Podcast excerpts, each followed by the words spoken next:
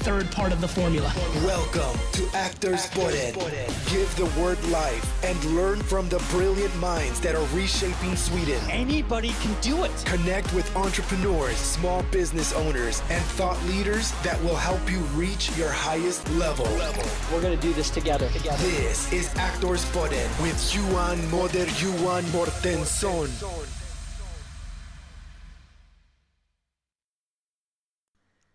Sådär ja, varmt välkomna till 2021 och så nu har vi ju världens bästa Magnus Thulin med oss här igen som har varit eh, ledig och Magnus, jag börjar direkt med att attackera dig.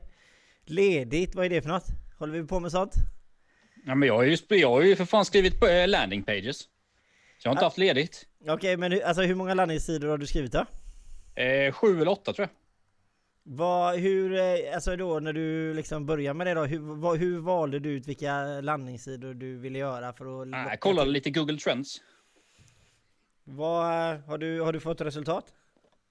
Eh, jag har fått resultat på några, men eh, som du vet, eh, Google Search Console, eh, crawlingen är ju lite slö nu i coronatider av vissa, många anledningar. Så eh, vissa har jag fått resultat på, vissa andra. Men eh, de närmaste dagarna blir spännande. Winshare är uppe och allt. Ja, det är bara att vänta. Vet du.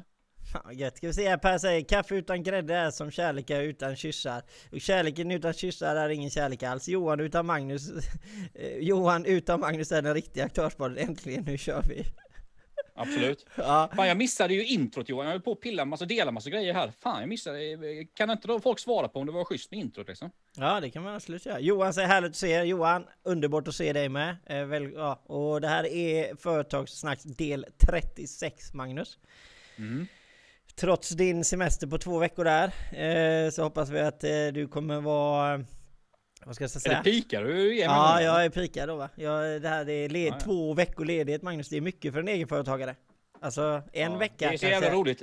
Det är så jävla roligt. Eh, Våran hobbyverksamhet, om jag är ledig för vår hobbyverksamhet så definierar du mig, ja ah, men Mange han har ledigt vet du. Han dricker bara GT. Ja. Men hur många GT drack du nu under ledigheten Magnus då? Ja, det blev ett gäng faktiskt. Jag ska säga. se. Första har rätt ämnet, mycket, rätt mycket bubbel också. eh, tycker att vi tar in första ämnet med Trump i, i klaveriet.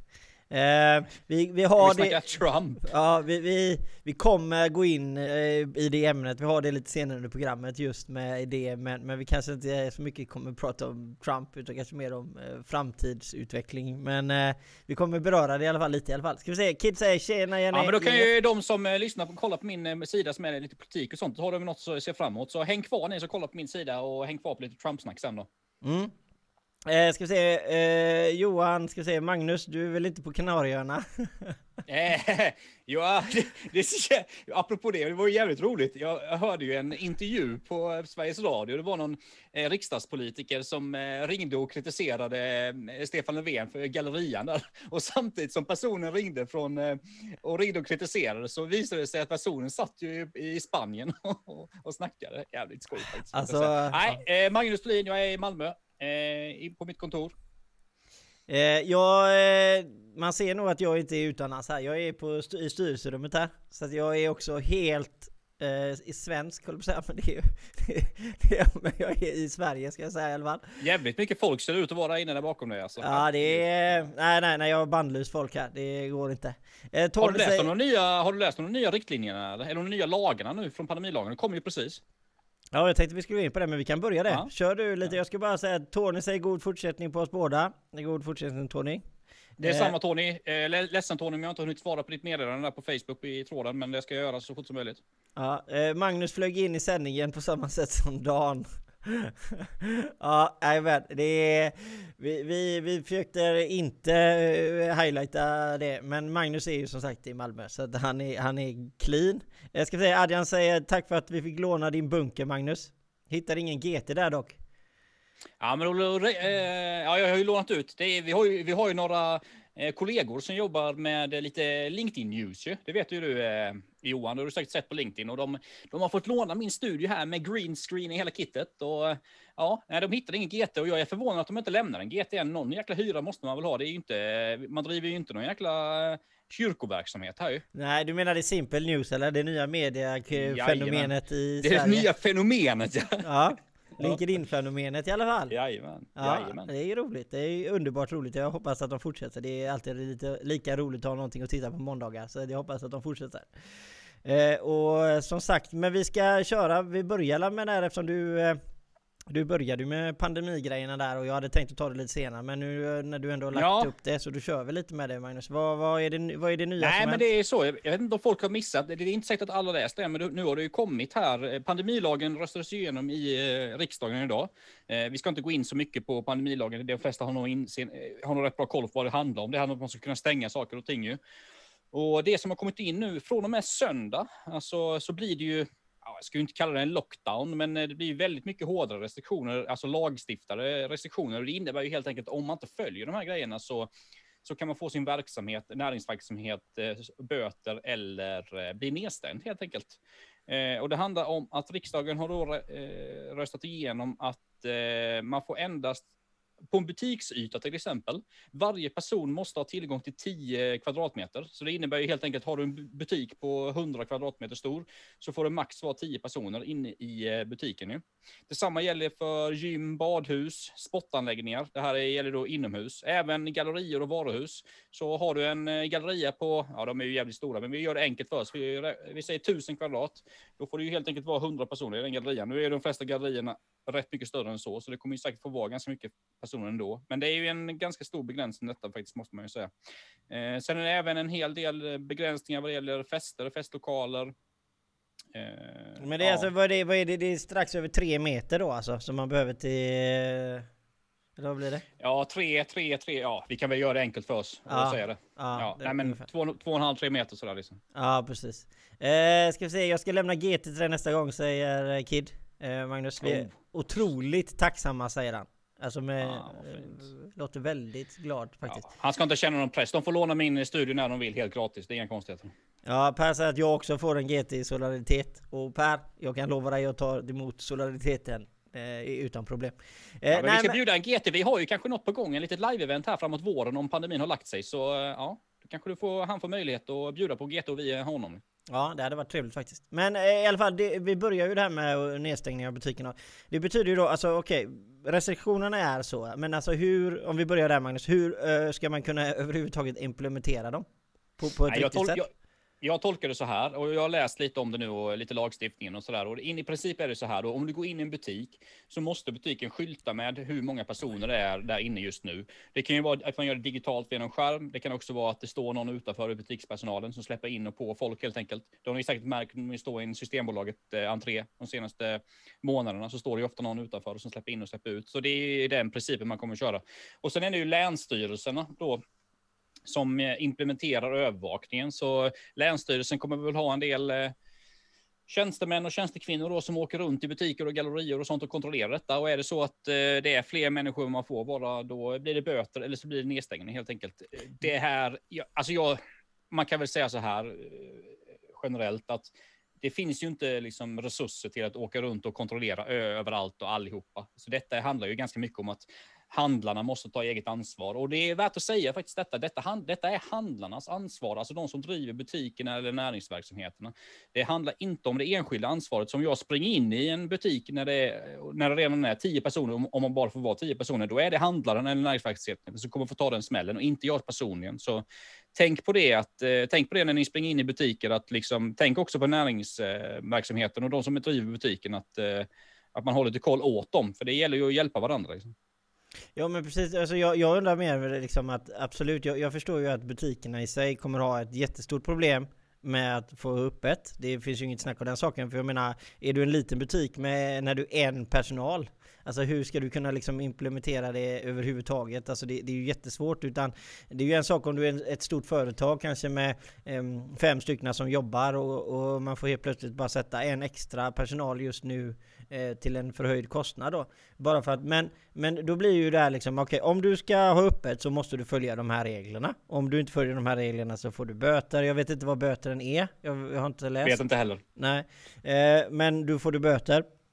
Och det, och, men det, det betyder ju då liksom att eh, Alltså, det, det, det, det kan ju, det, är ju vissa kedjor som kommer bli väldigt mycket mer hårt åtsatta än andra. Eh, men men vad, vad tror du det kommer, kommer det liksom Kommer, kommer folk följa det? alltså nu menar jag inte att eh, själva butikerna kommer följa det, utan vad, vad, som butik kan du ju egentligen bara påtala.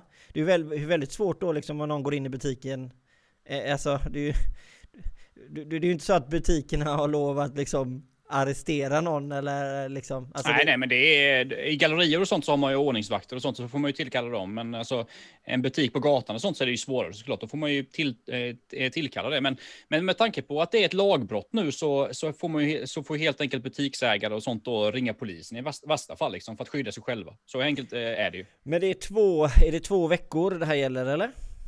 Vet inte hur länge det gäller faktiskt. Det såg jag inte. Implementeras nu. Ska vi se här. Bam, bam, bam, bam, bam, bam. Jag har bara, jag har bara sett det tidigare när jag tittat på det att det, skulle, det gäller inte så länge. För jag vet att det har varit uppe i lagrådet och fram och tillbaka där med, med hur man mm. skulle mm. implementera detta. Vad, vad, tycker vi om, vad tycker ni alla som tittar? Vad, vad, tycker ni om de här reglerna överhuvudtaget? Tycker ni att det är bra att vi inför de här reglerna eller tycker ni att det här är inte alls bra?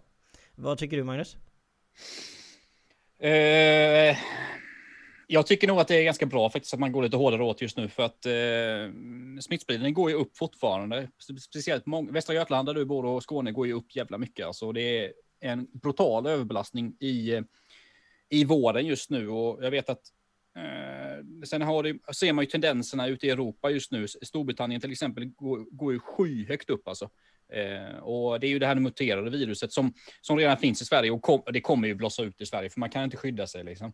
Och ehm, så här gäller det ju, jag har ju efterfrågat att regeringen måste vara mycket, mycket proaktiv under den här krisen, liksom, vilket man inte har varit hittills tycker jag. Så jag tror nog det är bra att man implementerar detta direkt nu för att, ehm, för att inte riskera att vi får en Ja, att, måste, eller att sjukvården kollapsar. Liksom. I Storbritannien säger de ju att nu har de ju stängt ner hela samhället i Storbritannien och det beror ju på att inom två veckor, annars kollapsar hela sjukvårdssystemet i Storbritannien. Så nej, men jag tycker det är bra faktiskt.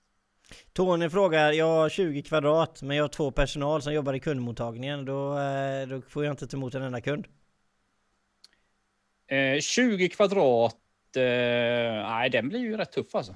Eh, det blir det ju definitivt. Om man har, två, om man har personal, två stycken personal på 20 kvadrat, då, eh, då blir det ju tufft. Alltså.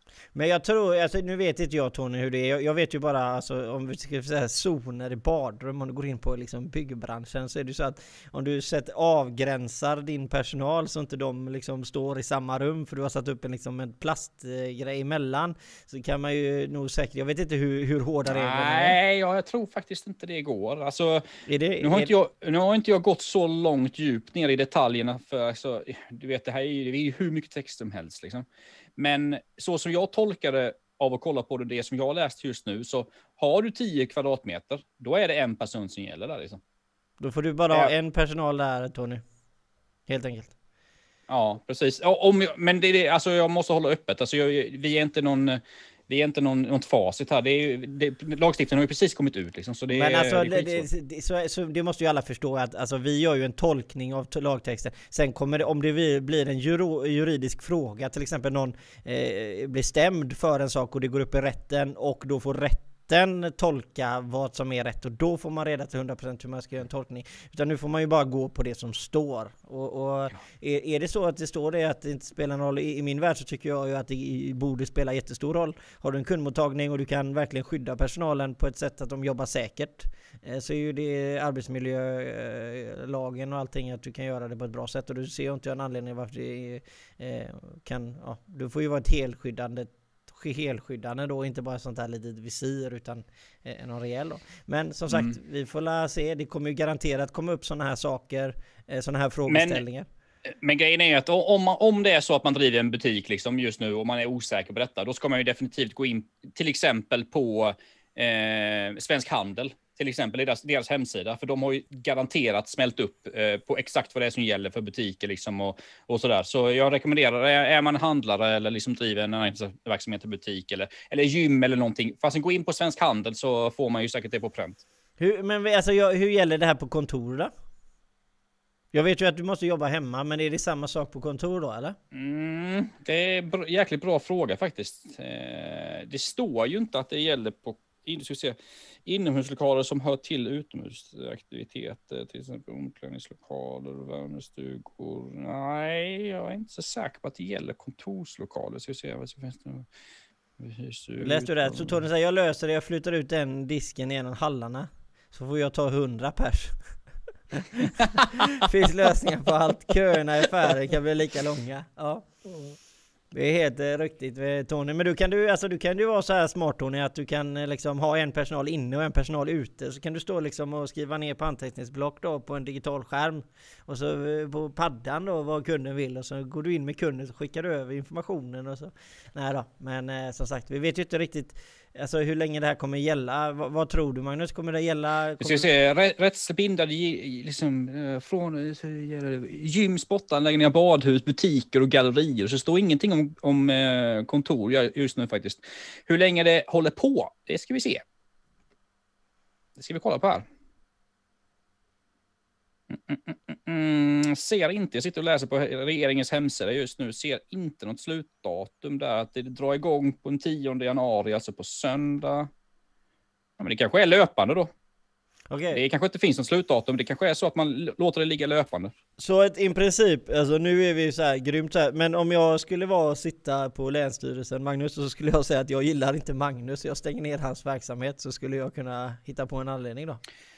Ja, du är ju inne på någonting jävligt bra här som, som eh, jag har varit ute och svingat om ganska mycket. Att man ger staten väldigt stora liksom, möjligheter och eh, friheter. Att, eh, liksom, det blir ju en brutal överstatlighet här. Och, eh, det är ju kanske någon, jag sa ju precis att jag är positiv till detta ändå. Det, det är jag, men det är klart att det finns stora risker med en sån här överstatlighet. Och, jag är ju aldrig förtjust när liksom staten lägger sig i näringslivet och eh, näringsverksamhet och sånt. Så det är klart att eh, det får vi hoppas att det inte blir några den typen av grejer. Så absolut. Nej men jag tror inte, alltså nu är det så här att det är inte så här att vi konspirations eh, sitter där och vi tror att det kanske till 100% kommer hända. Men vi vet ju även det att när det väl öppnar upp och ger möjlighet till det. Säg, till- säg till exempel att du hade gett, sagt till alla arbetsgivare till, i Sverige då till exempel att du får sparka vem du vill, när du vill, hur du vill och de får gå på dagen. Det hade ju kanske folk inte tyckt var så himla roligt även om det kanske inte hade arbetsgivaren hade gått ut och gjort det. Alltså, Så det är ju lite det nu, nu kanske jag tog ett eh, ganska hårt exempel här men bara så att man förstår grejen att det finns ju en möjlighet till exempel om någon har kommit ihop sig eh, där man har bråkat, där, där man kan se orolig för det. Nu tror jag i och för sig förhoppningsvis att det inte kommer hända Magnus, men vad, vad, vad, vad, vad, vad säger du? Nej. Nej, men det är klart att det här gäller. Men jag tror det gäller att ha liksom lite eh, fingertoppskänsla här. Jag såg att det skrivs på Facebook här nu typ eh, ja, att, det, att länsstyrelserna måste utföra inspektioner och agera kraftfullt, att lagarna följs. Ja, det är klart att man måste agera kraftfullt, men det är ju ändå så liksom att man måste ju ändå ha lite respekt för näringslivet också. Liksom. Det kan, man kan ju hamna i situationer där, eh, där man, man får ha lite fingertoppskänsla med saker och ting också. Liksom. Men om det är 100 pers i en butik som du bara får vara 99 och så går du, i, eh, och så går du in Länsstyrelsens besiktningsman, Mm. då, är ju, då är den personen skyldig till brott också. Eh, antagligen är det så i lagtexten att man gör undantag för sådana här saker, säkert. Något sånt. Ja, Men, men eh, det är klart att eh, det är klart, det, det här är en hård smäll för, eh, för handeln. Liksom. Men jag skulle gissa att eh, handeln har eh, ja, Tagit höjd en hård smäll redan eller? Ja, dels tagit en hård smäll, men också man har ju tagit höjd. För den här pandemilagen har ju varit på gång ett tag. Liksom, så man har ju säkert förberett sig ganska mycket och för sina medlemmar förhoppningsvis för det gäller detta. Liksom. Så, Men om man inte har gjort det och så är man en liten butik här nu då. Vad, vad hade du gett för tips och tricks? Och vad hade, du, vad hade du tänkt att du hade gjort i den situationen? Om du helt plötsligt... blir Du blir blindsidad nu Magnus. Du går upp, det är måndag.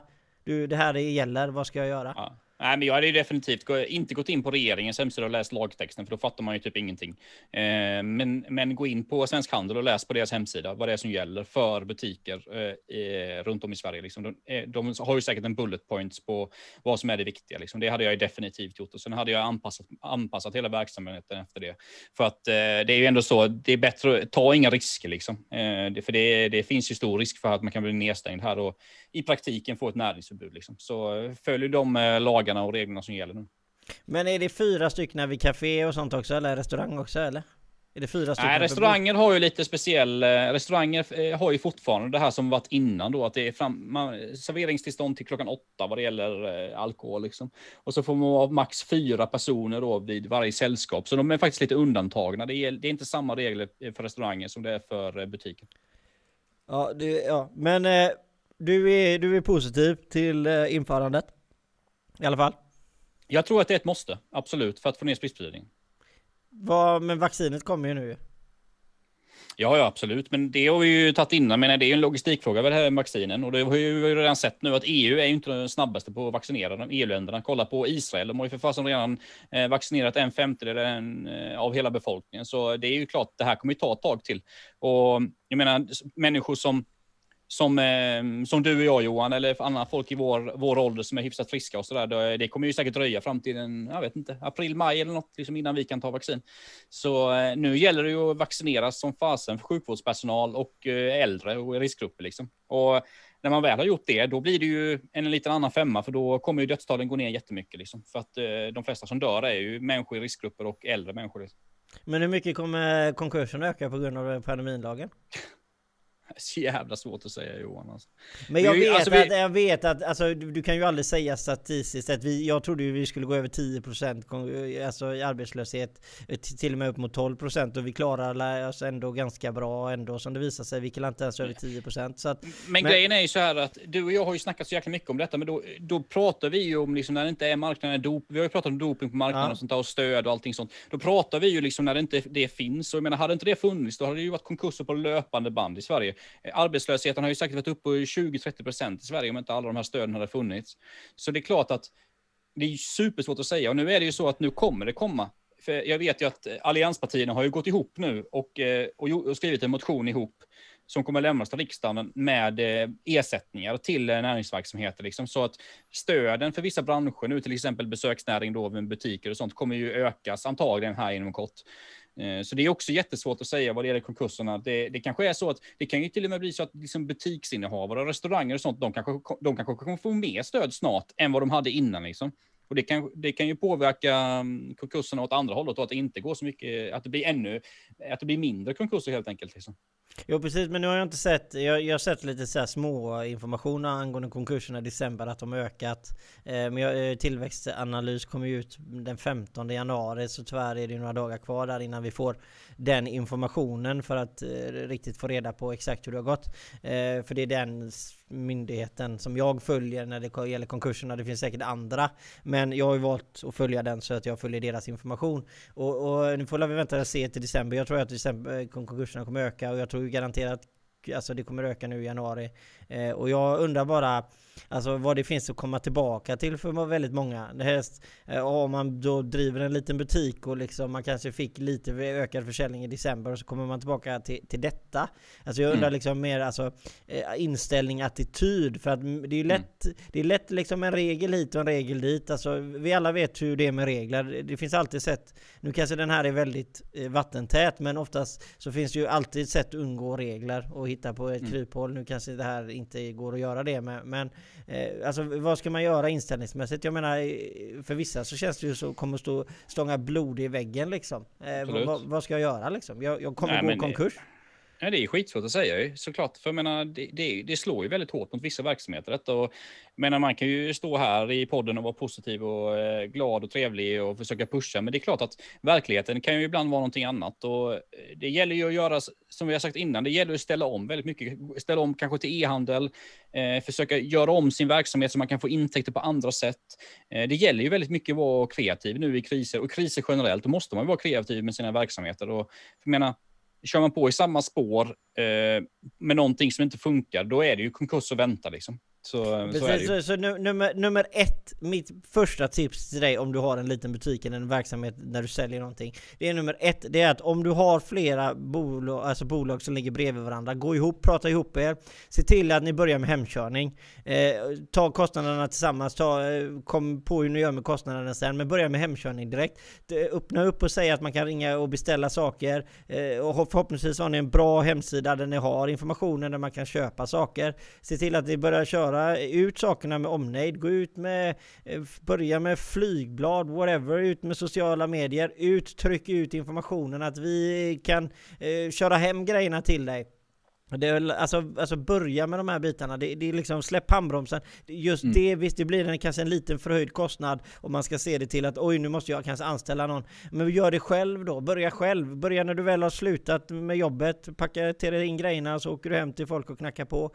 Alltså det, det är liksom, alltså lyckan, eller ska man säga lyckan, om du lyckas, det handlar bara om en sak, det handlar om hårt arbete, någon måste göra det. Om du är villig att investera energin på att försöka hitta ett sätt att överleva så tror jag att du kommer göra det.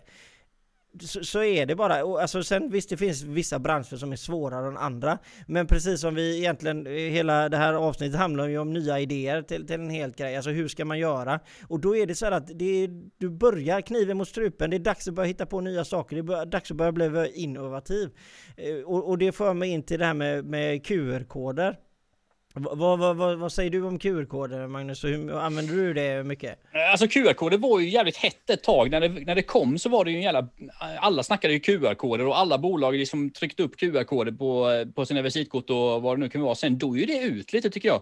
Nu börjar ju det tycker jag komma tillbaka i samband med det här med bank-id och, och, och identifiering. Jag vet inte om du, du har säkert märkt det, Johan, du vet när du loggar in på banken med mobilt bank-id. Om du inte, inte kör dosan så måste man ju eh, scanna QR-koden och så är det på ganska många banker och aktieställen och sådana saker idag. Så det börjar väl komma tillbaka med QR-kod igen, tror jag. Det finns, det fin alltså logiken är ganska smart med QR-koderna. Liksom. Ja, det tycker Eh, jag. sen, har- men sen har det ju varit så innan, jag kommer ihåg när det väl kom, du vet, då var man tvungen att ladda ner specialappar med eh, en specialkamera som läste QR-koder. Men nu är det ju så att eh, har man en vanlig telefon, Samsung eller iPhone eller någonting, så, så har ju de kamerafunktionerna inbyggt redan. Eh, Alltså det, det, eh, originalkameran har inbyggt så den kan läsa QR-koder. Liksom. Ja, helt och nya. Ska vi se, Tony säger, kommer det kommer krävas coronatest på personalen som kommer eh, från Länsstyrelsen? Eh, ja, precis. Tänk om alla... Tony kommer säga, du kommer inte in här, Nej, du kommer visa inte in." certifikatet, annars kommer du inte in. Ja, Helt riktigt. precis. Tänk alla ställen som har varit... Ja, precis. Eh, Carl Newman säger hejsan, vi säger hej så mycket, välkommen till oss. Eh, per Hallå säger, Karl, hallå Karl. Eh, eh, Per säger Business Garden har ställt om, kundmöten utomhus, vi grillar korv. Det är helt rätt. Men han, har, han ställde ju om för fan när pandemin kom, så han, har ju, han, är ju, ligger lite före. Ja, Han, han, han visar ju alla andra hur vi skulle göra liksom. Eh, Kid säger man ser inte QR så mycket som det är idag. Nej, och det som jag gick ut med då eh, information om idag som jag tycker efter, efter eh, eh, saknar på marknaden. Det är ju är våra bokföringssystem. Eh, tänk dig då att du är en säljare som säljer antingen då till företag men du säljer då även till privatpersoner som kanske inte är så stora belopp. För säg att det är abonnemang, säg att det är telefonabonnemang till exempel. Och då gör du så att när du väl har gjort en affär eller gör ett pris då till kunden så kommer det en QR-kod som kommer från ditt bokföringssystem. Så att när väl kunden då, jag då till exempel, då skannar jag den QR-koden så kommer jag in på den här heliga Eh, URLen som är skapad från bokföringssystemet så kan man acceptera priset och så kommer det in ett plupp här framför datorn att ja, Johan Mårtsson har accepterat priset och Magnus Thulin har nekat och så, alltså sådär. Alltså, jag, jag tror att de här bitarna med QR-koder, att man ska kunna implementera det i sin verksamhet, eh, alltså jag tror att det kommer vara det nya liksom. För att på något sätt, jag, jag, du vet, vi är så matade med så himla mycket reklam hela tiden och det är väldigt mycket visuell reklam. Alltså det är stora loggor, det är stor information. Men, medan en QR-kod är en QR-kod och du vet inte vad QR-koden är för något förrän du skannar den. Så att och, så på något sätt om man har Thulin digital där som du står bakom och så är det en QR-kod där under som är egentligen din hemsida. Istället för att det står www.modejohan.se så, står det, så är det en liten QR-kod. Alltså jag vet inte, jag, jag tycker det känns, det känns ganska fräscht eller? Eller vad? Ja, det gör det. Det är ju ganska lurigt det där också, för man kan ju dölja ganska mycket grejer i QR-koder. Eh, jag tänker, du vet, med typ eh, bedrägerier och massa sådana saker. Det är ju lite lurigt Ja. också. Typ, för man kan ju, om man får in det, alltså om man får in saker i QR-koder som, eh, som är fel, alltså skadlig, skadlig kod i QR-koderna, så kan ju det vara jäkligt illa för Ja, kanske inte för oss som jobbar med digitala saker sådär, men, men för äldre människor till exempel med bedrägerier och sånt. Ja men precis, ja men det förstår jag. Men, jag- men jag tänker förhoppningsvis att det kommer utveckla systemet om det skulle börja användas ännu mer och implementeras kanske mer i näringslivet. Så känns det som att det hade kommit någon SSL, alltså någon liksom Mm, speciell eh, eh, att om du ska använda en QR-kod typ i näringslivsverksamhet så är det en liten speciell rubrik i den på något sätt som god... Alltså jag tror att där hittar vi nog ett sätt att kunna liksom gå vidare på marknaden. Jag tror att Jag fick en QR-kod nu av Per här. Alltså, skicka dig Per nu än. Magnus har fått en QR-kod på LinkedIn just nu, väldigt digitalt. Ja men jag tror att jag... Ett telefonnummer var det redan. Ja, så där ja. ja men jag Ja. tror att, jag tror att eh, liksom på något sätt att alltså, det är ändå en, en ganska rolig bit att göra och jag tycker det känns ganska proffsigt på något sätt. Helst om man får det av ett bolag som man känner till. Eh, allt ifrån, bet- vissa gör ju det, vissa har det till och med på bilarna liksom. Eh, och det kan ju vara lite roligt, bilkö, ta upp telefonen och liksom alltså sådär va. Eh, så att det Du, jag... apropå, apropå det med det du sa med fakturor och sådana saker. Använder du en e-signering idag eller? Om jag använder e-signering Ja. Eh, jag har ju, eh, alltså jag får ju in i eh, EDI, får har ju jag. Ja. Så att jag får ju in fakturorna rakt in i mitt bokföringssystem och så går, får jag upp dem som eh, ja, eh, pdf i Jo, men, de, men säg att du skickar ett anbud på ett ganska stort anbud och som du känner, gärna vill ha påskrivet liksom för att du känner ah fan nu offerter vill jag ha påskriven i det här fallet innan jag börjar liksom. Eh, hur skickar du då? Tar du det med snigelpost och de får signa med snigelpenna då eller? Ja, jag jobbar inte så. Jag eh, Nej. skri- jobbar inte med underskrifter nästan överhuvudtaget. Alltså, Nej. eh, Men det är vill du aldrig ha någon underskrift på något anbud eller så? Nej. Nej. Jag är ett ok på mailen. Från rätt, samma mail som jag skickat anbudet till får ett okej från på samma mail. Eh, Så att, eh, precis, där kan man ju jobba ännu mer med signeringar för att få det liksom ännu mer juridiskt bindande och sånt där. Men jag har hållit på med, jag har hållit på att driva företag i 11 år och jag har inte behövt göra det än. Och jag har inte haft något problem med det än. Så att jag så att det är därför då jag sk- uppskattar typ om det hade kommit en QR-kodgrej som du kan göra Mm. direkt från bokföringssystemet då. För att jag gillar inte Absolut. de här eh, separata programmen för separata programmen liksom. Visst, jag, du använder ju vissa Du gillar integrationen? Ja, men jag, jag gillar att det finns ett i allt liksom. Jag, jag kan förstå Absolut. att ICA, ICA Maxi finns. Alltså jag fattar varför ICA Maxi finns. För människor orkar liksom inte springa till alla butiker liksom. Så att jag... Exakt. Ja. Eh, Jonathan, skål! Skål på dig Jonathan! Skål! Ja, skål då! Skål! Fan, jag är bara kaffe och skåla med alltså. Vad, vad, vad, döljer sig i den där eh, aluminiumtuben? Ja, det, är, det, det, det, får inte du veta för det är covid-19 här. Eh, Ja, att- ja, ja. Eh, ska vi se här nu, Kid säger med tanke på digitaliseringen och så vidare. Skolan, förskolan menar jag. Grabben börjar förskolan nu och, ba- och banken använder ju inte ens e-signatur. Varför ligger de så långt efter? Ja, det, det är då olika banker också. Jag vet ju typ alltså, eh, det fanns ju, nu, nu ska inte jag säga, men det finns ju olika bra saker med olika banker och det finns säkert olika lösningar och sånt där. Jag vet att min svärmor har ju en sån här dosa, hon sätter in sitt eh, ja. kredit, eller kredit, Jag också.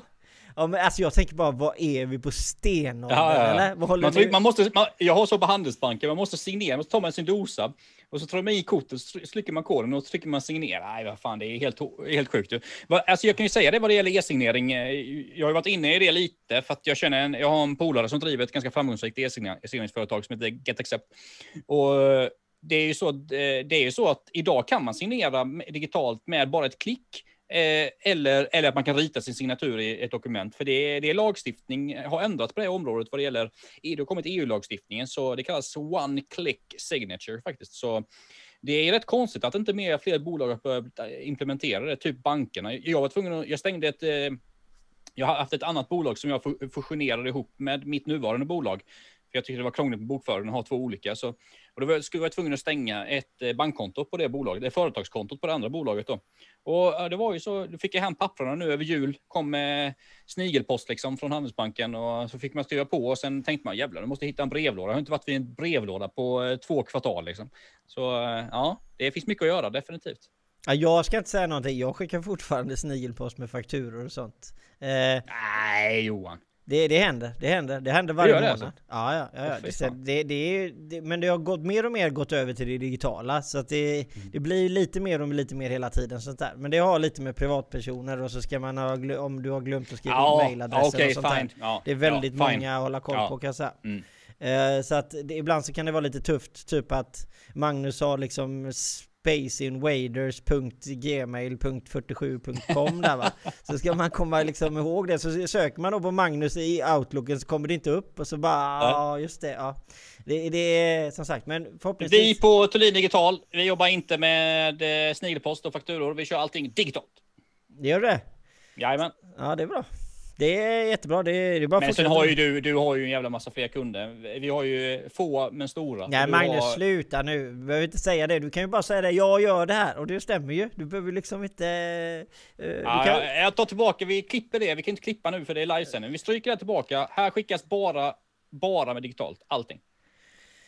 Vi jobbar i alla fall där. Vi håller ju på med digitala kanaler i alla fall Magnus. Så det känns ju Mm. som att vi nu borde där. Men nej men det kommer. Jag kommer också eh, sakta men säkert. Men jag, eh, jag har svårt. Vi, vi börjar eh, med egenkontroll och allting. Jag, vi börjar liksom sikta mot att köra eh, lite mer digitalisering på saker och ting. Men vissa saker...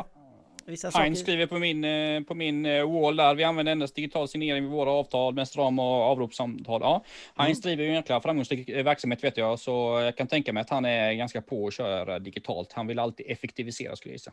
Ja, men det är bra. Eh, per säger bra diskussion ikväll, härlig kvalitet på podden. Kör på Pågar. Eh, detsamma Per, jag antog att du skulle lämna oss, så ha en fantastiskt fin fredag. Eh, eh, ska vi se, Tony Semins skrev på snicka, okej nu... Eh, okej, ja nu vet jag inte, jag tror att det var någonting internt där, mellan varandra. Vad är där. Abdullah? Ab jag vet inte vad Abdullah är, jag, jag tror att han har köpt lunch förhoppningsvis. Ja, på privat hoppas jag. Ja, precis. Det hoppas vi Mm. inte. Eh, men eh, vi ska gå vidare lite till eh, hur mår svensk industri? Ja, det visste inte jag att du skulle ta upp den pucken, men det var, var roligt tycker jag att du gjorde det. Ehm, svensk industri mår nog sådär skulle jag säga. Vissa mår nog jättebra, vissa mår inte så bra. Ehm, så det är nog en väldig blandning som det är i alla branscher just nu. Ehm, men ehm, däremot så tror jag för framtiden svensk industri ser ganska ljust ut. Men det kan, du, kanske ville tänka, du kanske ville prata om något specifikt där vad det gäller nuvarande. Nej, nej, äh, brett, generellt. Ja, nej, men jag tror ju att det är klart att många har ju problem just nu. Ehm, dels har vi ju Brexit liksom, som har implementerats nu, så det är många industrier som... Eh, Storbritannien är ett ganska stort exportland för Sverige. Jag vet inte, men säg att det är kanske ett av... Ja, men säg att det är i alla fall topp fem skulle jag gissa från Sverige som vi exporterar till. Så um, där är ju lite krångligt just nu för industrin såklart, men annars är det ju väldigt mycket lockdowns och sådär och många kunder som har kanske problem att ta emot, eh, ta emot eh, varor och sånt via som man skickar och sånt. Så jag tror nog industrin har nog rätt tufft på många delar. Vissa går ju säkert super. Jag känner en hel del industriföretagare som går skitbra just nu. Så det är nog väldigt olika. Men däremot så tror jag, som jag skulle vara, in, vara inne på lite där, att jag tror svensk industri har en ganska det ser ganska positivt ut faktiskt tror jag för svensk industri. Dels så har vi ju väldigt mycket erfarenhet av tillverkningsindustri i Sverige mm, lång tid tillbaka och det kan vi ju dra nytta av för att de senaste 20 åren med väldigt mycket globalisering och produktion som har flyttat utomlands och sånt så, så har vi förlorat ganska mycket av tillverkningsindustrin i Sverige. Men nu ser vi ju tydliga tecken på att det är ganska många bolag som väljer att flytta hem sin, eh, sin produktion till Sverige igen, beroende på att världen ser ut som den gör med ledtider och leveranser och sånt där. Så jag tror ju faktiskt att, eh, jag tror definitivt att, att svensk industri har en god möjlighet i framtiden. Sen får man ändå säga då att Eh, det kan ju även vara så att Sverige är så extremt eh, exportberoende land som vi har snackat om många gånger i, det här, eh, i, det här, i den här podden och sändningen. Och det är ju ändå så att som världen ser ut just nu med liksom mer nationalism och protektionism och sådär, att en del länder sluter sig och mm, Eh, ja, det är eh, coronapandemi på det. Så, och många säger om sitt eget hus. Många länder gör ju det just nu. Liksom. Så det är klart att Sverige är väldigt beroende av andra länder också för att, för att det ska fungera. Så där har du ju, där har du ju hoten kanske mot svensk industri. Men, men eh, generellt så ser jag positivt på det. Alltså. Men hur mycket, alltså, har, vi, har vi skapat tillräckligt många bra lösningar, alltså hållbarhetslösningar? Nu vet jag att väldigt många spyr när man säger ordet hållbarhet. Men just Mm. att det man menar är ju då att cirkel, att vi kan eh, bedriva verksamheter, kanske med att Mm. köpa in mer grejer lokalt. Eh, Till exempel. Ja, ja, Hur, hur känner du att, för jag, jag tyckte att ändå att det ändå känns ganska positivt att vi ändå hittat eh, en del vägar ändå att kunna få saker och ting Ja, absolut. från Ja, grannen. definitivt. Och hållbarhet, jag vet att många går igång på det och tycker inte det är så roligt. Men det är för, det är för att det gått i inflation, det uttrycket, Ja, är hållbarhet. det. Liksom. Men, men det, det man menar när man pratar om svensk industri, det handlar väl ganska mycket om då att man ska få igång en cirkulär ekonomi på något sätt. Att till exempel det man tillverkar ska kunna återvinnas till 100 procent. Det är kanske svårt att få 100 procent, men säg bilar som tillverkas i Sverige idag i alla fall, eh, eh, kan ju återvinnas till typ 90-95 procent. Och det tror jag är den stora utmaningen för hela världen, alltså generellt med att producera produkter i framtiden. För att det är ju ändå så att Alltså man kan tycka vad man vill liksom, om, om, om cirkulär ekonomi, om hållbarhet, om miljö och klimat. Det är ändå så att nästan alla regeringar i världen som har skrivit på Parisavtalet, eh, alltså det här klimat och miljöavtalet då, som skrevs i Paris för några år sedan, eh, som har skrivit på att man ska uppfylla det. det. det. innebär att man måste gå över väldigt mycket mer till andra typer av energislag. Typ man måste gå till kärnkraft eller vindkraft eller sånt från kol och gas och sånt. Då. Eh, och det kommer ju också ganska mycket med att man måste återvinna och sånt här. Så vare, vare sig man tycker om det eller inte så är det så att det drivs väldigt mycket i den utvecklingen. Och det är ju likadant så, hela ekonomin, alltså pensionsfonder och sånt, till exempel i Sverige så får pensionsfonder får inte investera i vissa typer av bolag nu för tiden, till exempel i ol oljeindustri och sånt här. Så att hela ekonomin håller på att förändras liksom. Och det görs liksom på, på väldigt stor nivå. Så de bolagen som är snabba på den här pucken och kan ställa om till att, liksom, till exempel då, om man säger att jag producerar en snusdosa, då måste jag producera den snusdosan med helt åter, eh, att, att plasten går att återvinna. Liksom. Om jag producerar en eh, kaffekopp så måste den kunna återvinnas. Och, om jag producerar en mobiltelefon så måste typ 98 procent av alla komponenter den kunna åter, eh, återvinnas. Och de bolag, det är positivt för svensk, liksom, det är jävligt positivt för Sverige också, för att Sverige ligger ju långt framme vad det gäller miljö och klimattänk liksom, generellt. Och det tror jag är väldigt viktigt för Sverige om vi ska bli konkurrenskraftiga i framtiden också. Att det, det kommer krävas stora satsningar på eh, grön tillverkningsindustri och där ligger Sverige långt framme. Så, och det är också en sak som, som, som innebär då att vi har en bra chans i Sverige här för framtiden. Så är det ju. Tony säger bilar borde förbjudas, elcyklar är framtiden. Hållbarhet 100%. Där har du humor i industrin. Ja, det vet jag inte om jag håller med om. Att vi cykla. cykla jag, jag, jag, det, kan säga att han, jag tror att han, han log nog ganska mycket när han skrev Ja, det hoppas jag. Ja, det kan jag garantera dig. Eh, men, men, alla... men grejen, det, det, är ju ganska intressant det man, man snackar om. Det, man pratar liksom, jag går igång på de här frågorna ganska mycket. Jag gillar ju den här typen av frågor. Jag menar, elbilar och elcyklar. Ja, visst, det är väl bra med elbilar och elcyklar, men jag tror ju inte det är slutmålet. Liksom. Men jag tror ju fortfarande det är någon slags övergångs... Jag tror ju på det, vet, här med vätgas och sånt liksom, i bilar. Även om, men grön teknik, grön teknik som kommer nu att du får dra upp till 50 000 på solceller, ladd, laddboxinstallationer mm. och, och de här bitarna. Ja, alltså det är upp till 50 000 per, per, Är det per hushåll eller är det per, ja det är nog per hushåll. Det är nog per hushåll skulle jag gissa. Ja, och ja. jag menar, där har du ju en sak som, även om jag kanske inte är helt förtjust i subventioner från staten generellt, liksom, för att det snedvrider ju marknaden lite, så kan man ändå se det om om det är så att man, man vill liksom om, om regeringen och väljarna väljer en regering som, som, som man, att man ska fokusera på klimat och miljö, då är det ju så att då måste man göra vissa saker för att få människor att ändra saker. Och, menar, få människan att ändra saker och ting, det gör man ju om det gynnar en ekonomiskt kanske och, och sådana här grejer. Liksom. Och vad det gäller solceller då, så har ju eh, ROIn, eller liksom return of investment, gått ner väldigt mycket på solceller eh, de senaste åren. Jag vet inte, en solcellsinstallation på, på en villa idag kanske man har betalat tillbaka på, jag vet inte, säg att det är en 8, 10, 12 år, och sånt där. Och jag menar, väntar du några år till så är det säkert det nere på 3, 4 år. Så det börjar ju bli jävligt intressant att göra de här grejerna. Och då kommer man in på de här andra grejerna. Du vet, då Johan, kommer det nya skatter. Det ja, ja, för fan. Nej, men du vet, det börjar redan. redan. Ja, men redan har det börjat fifflas med detta, jag Johan. Och jag är riktigt, ja, riktigt irriterad över detta. Alltså nu börjar det komma så här att du vet att innan var det så att man kunde skjuta in överskottet hur som helst på, på, på elnätet. Liksom. Du bytte mätare till en VA-mätare istället som kan mäta båda hållarna.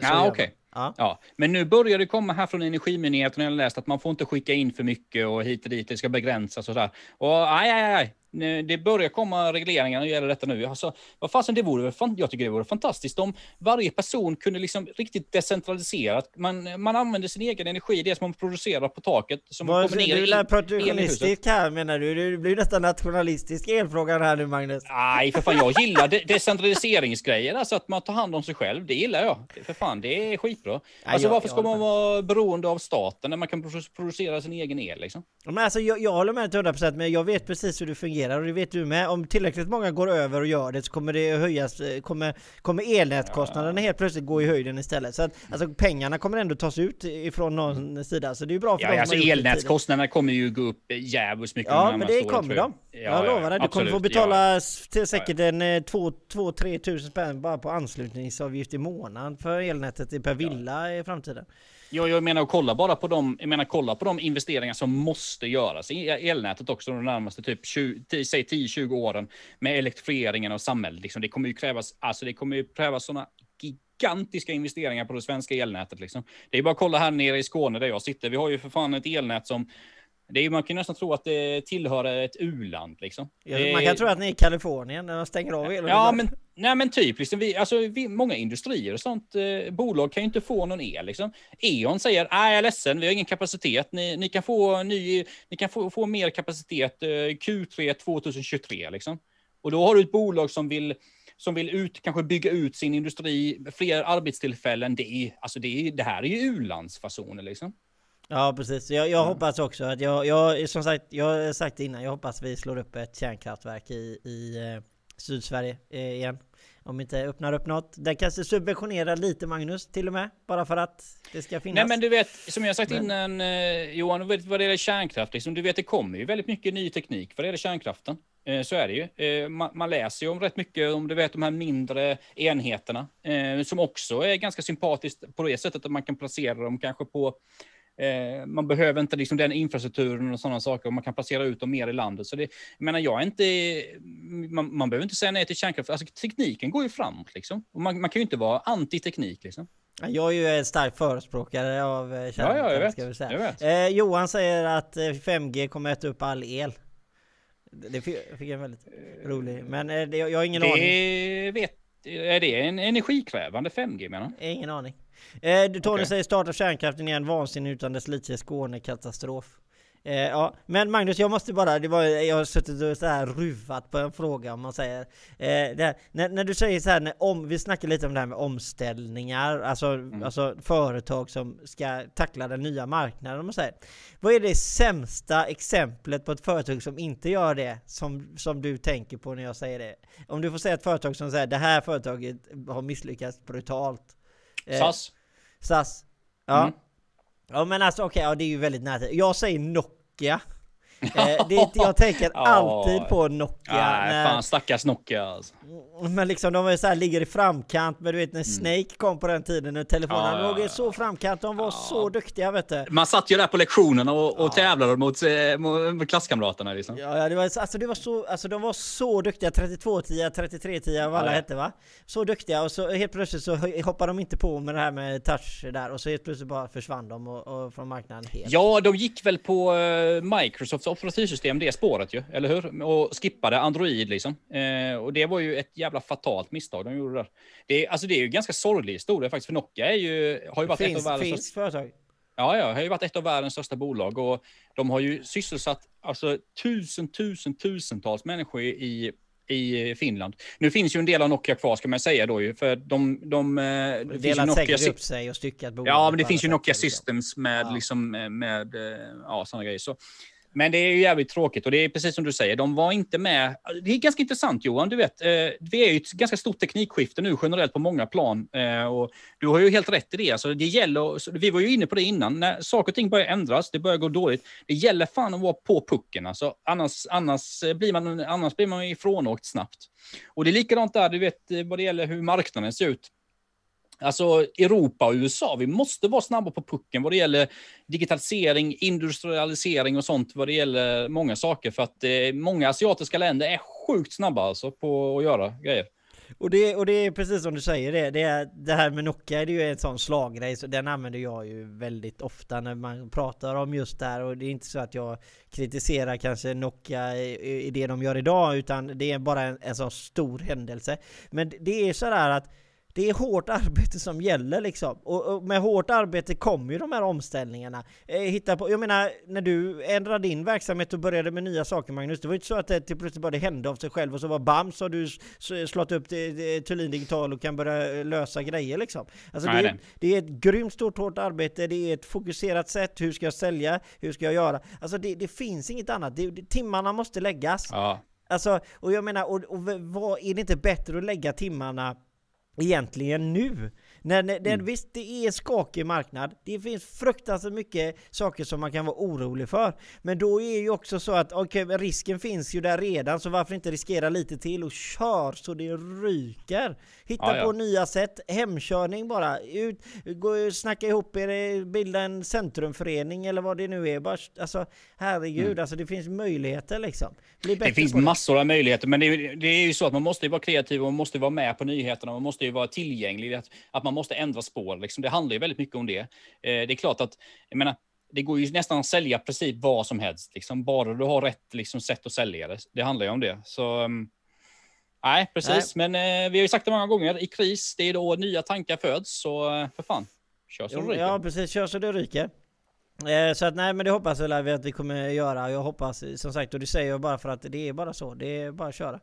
Eh, Tony säger har, har politiken koll på vilket arbete det blir framöver på grund av att det kommer vara många länder som kommer kämpa kämpa arslet av sig. Hur menar han då? Eh, nej jag vet inte riktigt. Eh, du får gärna förtydliga det lite Tony bara så jag också med det. Nu hällde jag upp ett glas vin. Skål! Skål Johan! Det var trevligt. Ja, skål för fan. Skål.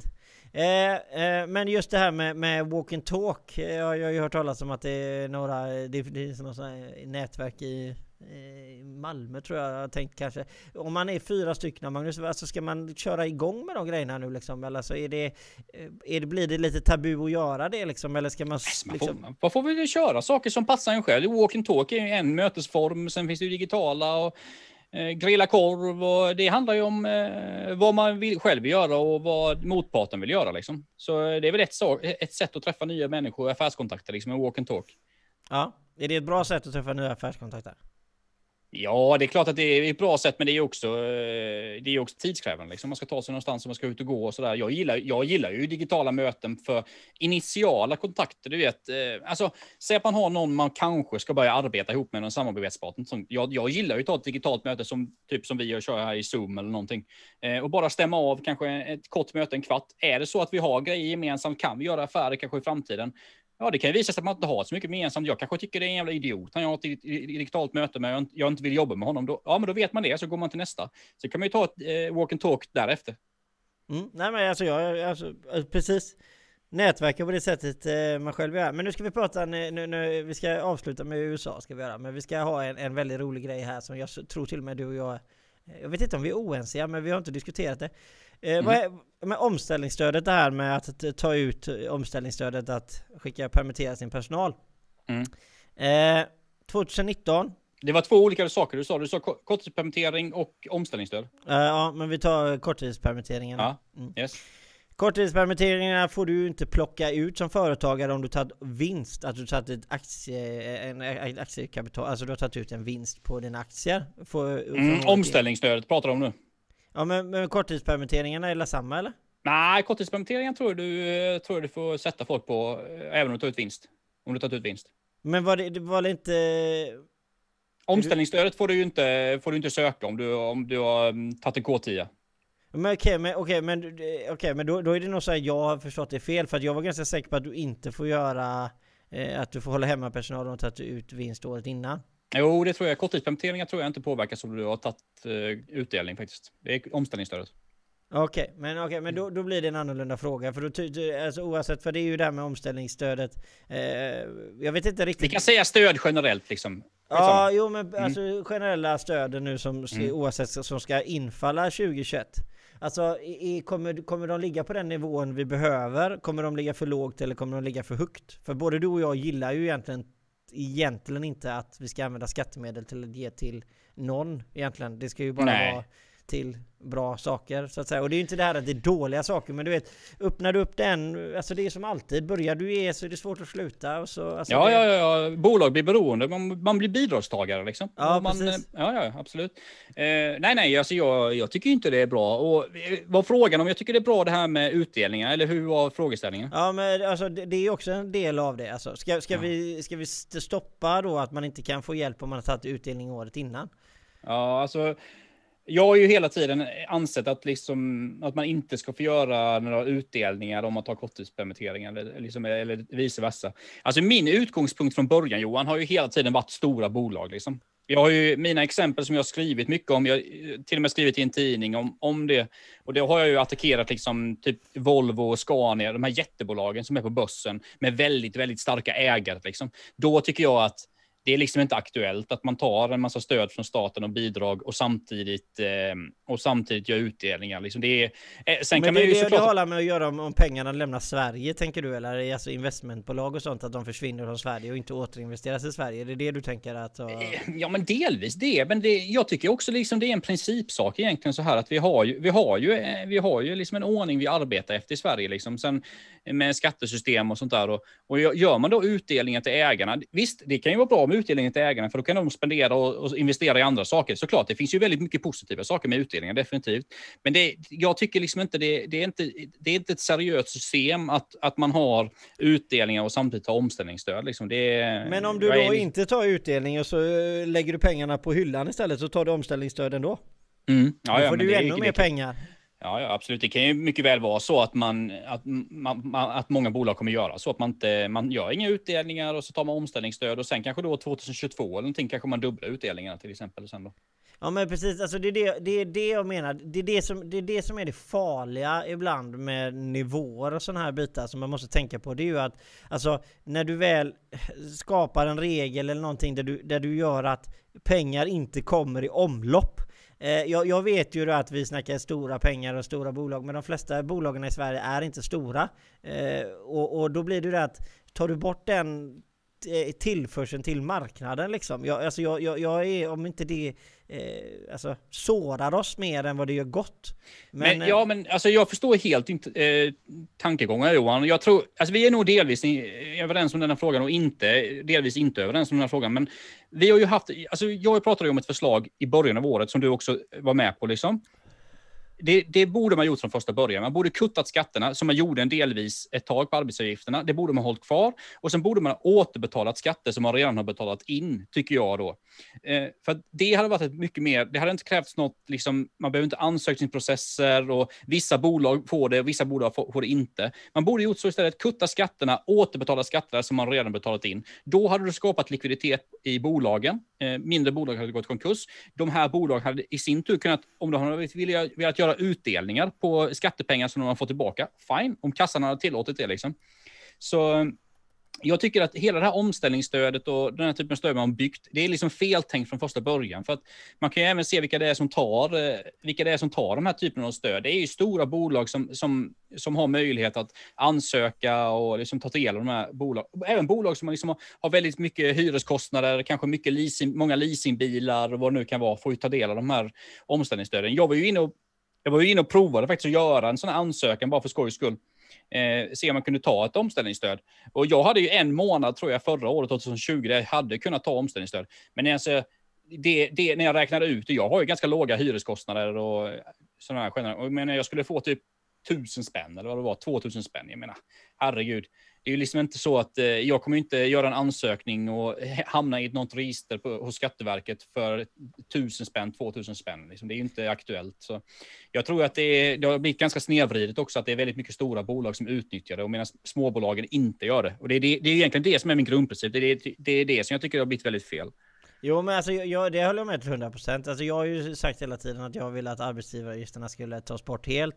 Och sen eh, Det har ju du med varit med på, jag vet inte så, Men sen kommer ju du med en väldigt bra grej. Det är ju det här med att eh, i så fall företagen skulle gå tillbaka på, få tillbaka på skatten Om man då skulle där Och där tycker jag egentligen man skulle byggt hela systemet ifrån om man Ja, 100% Med skattekontot. Skulle, Jo men på något sätt ja. att man skulle kunna ansöka till Skatteverket om man var i behov av det på något sätt för att hitta på ett bra system för det.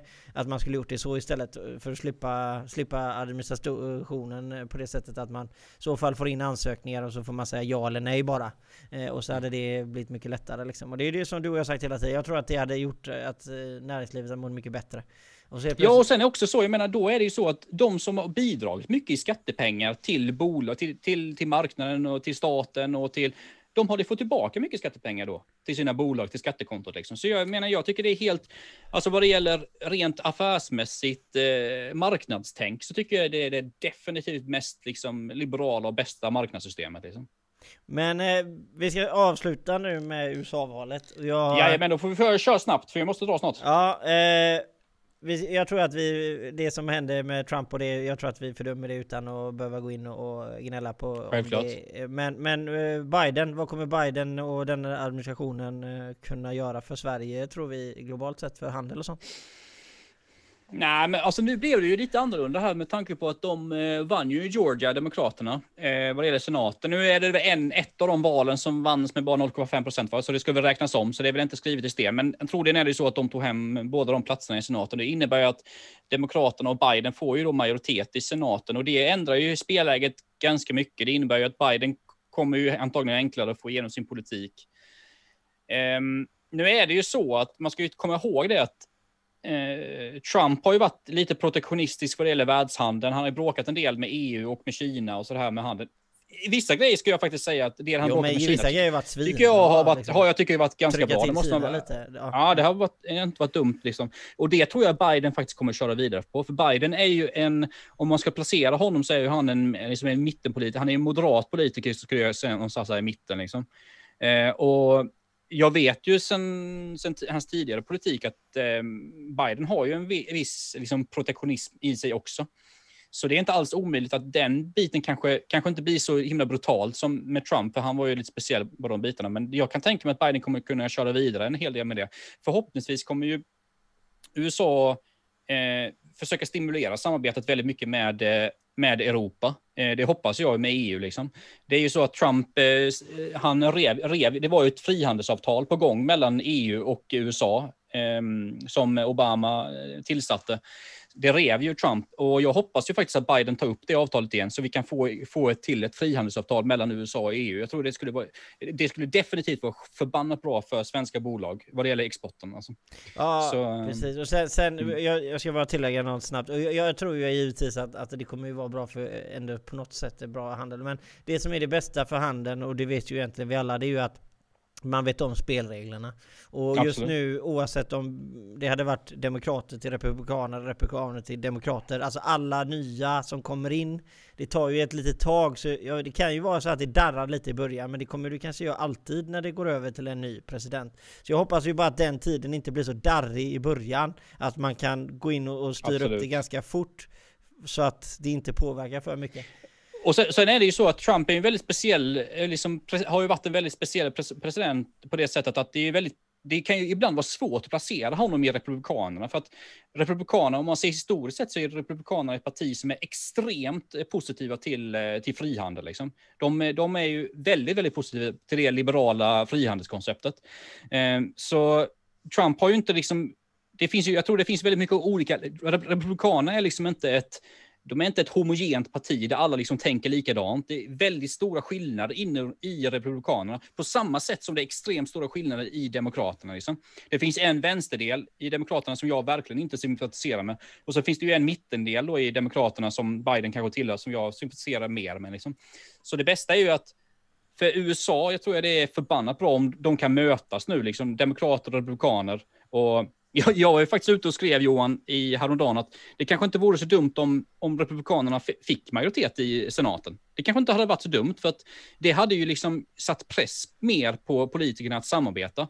Eh, detta har ju, nu fick ju demokraterna antagligen då senaten, så nu har ju de både representanthus, senat och president. Och det kan ju också, det, tyvärr kan det ju vara så att det bidrar även till ännu mer polarisering som i USA. Ja precis. Nej men eh, Peter, hur går vi vidare? Ni verkar överens om vad som inte skulle ha gjorts. Nej men alltså hur vi går vidare i, framtiden så är det ju egentligen det som Magnus pratar om. Att vi behöver ha ett, ett bra starkt avtal. Att, att eh, Europa och USA närmar sig varandra ännu mer. Ja, och börjar nästan absolut. agera som en part i, i många Ja, frågor. Och, Ja. och på något sätt alltså delar handeln med varandra liksom. För att vi står ganska nära varandra, alltså västsverige, eh, västvärlden så att säga. Det, det hade varit väldigt positivt. Ja, ja, vår kultur är ju väldigt lika, liksom, hur vi är som precis. människor och hur vi tänker affärsmässigt och sånt. Vi står ju väldigt nära varandra. Liksom. Precis. Men eh, Magnus, eh, tack så hemskt mycket för idag. Det var roligt att du inte var på ledighet längre. Ja, ja, för fan. Nej, jag, min semester är slut nu, vet du. Ja, det är grymt. Eh, är det något sista orden? Något du vill säga? Eh, nej, men roligt att vara tillbaka efter en paus på två veckor och eh, vi kör ju som det ryker. Vi har ju, kommer ju köra, ja, vi, kommer- vi har ju inget slutdatum. Vi kör ju på liksom. Så, Ja. ehm, Ja, ja. och som, som vanligt, jag såg att det var mycket folk där inne och tittade. Jag hade nog eh, tittarrekord faktiskt. ja. Jag hade nog tittarrekord på min eh, kanal faktiskt. Vad roligt. eh, Magnus blir mer och mer poppis. Jajamän, men du vet algoritmerna i Facebooks algoritmer, man vet inte. De är ju luriga de här Facebook. De kan ju stänga av folk hur som helst och prioritera folk hur som helst, så man vet inte. Ja, och så säger Tony också håll kursen, och inte som realchefet Vasa, sa han inte men jag tillägger det för jag visste att Tony kanske tänkte det. Eh, men i alla fall, eh, som sagt, tack så hemskt mycket för att du lyssnat. Det här har varit Företagssnack med Johan och Johan Mårtsson och Magnus Thulin. Ha nu en fortsatt otroligt trevlig fredag. Ha det gott!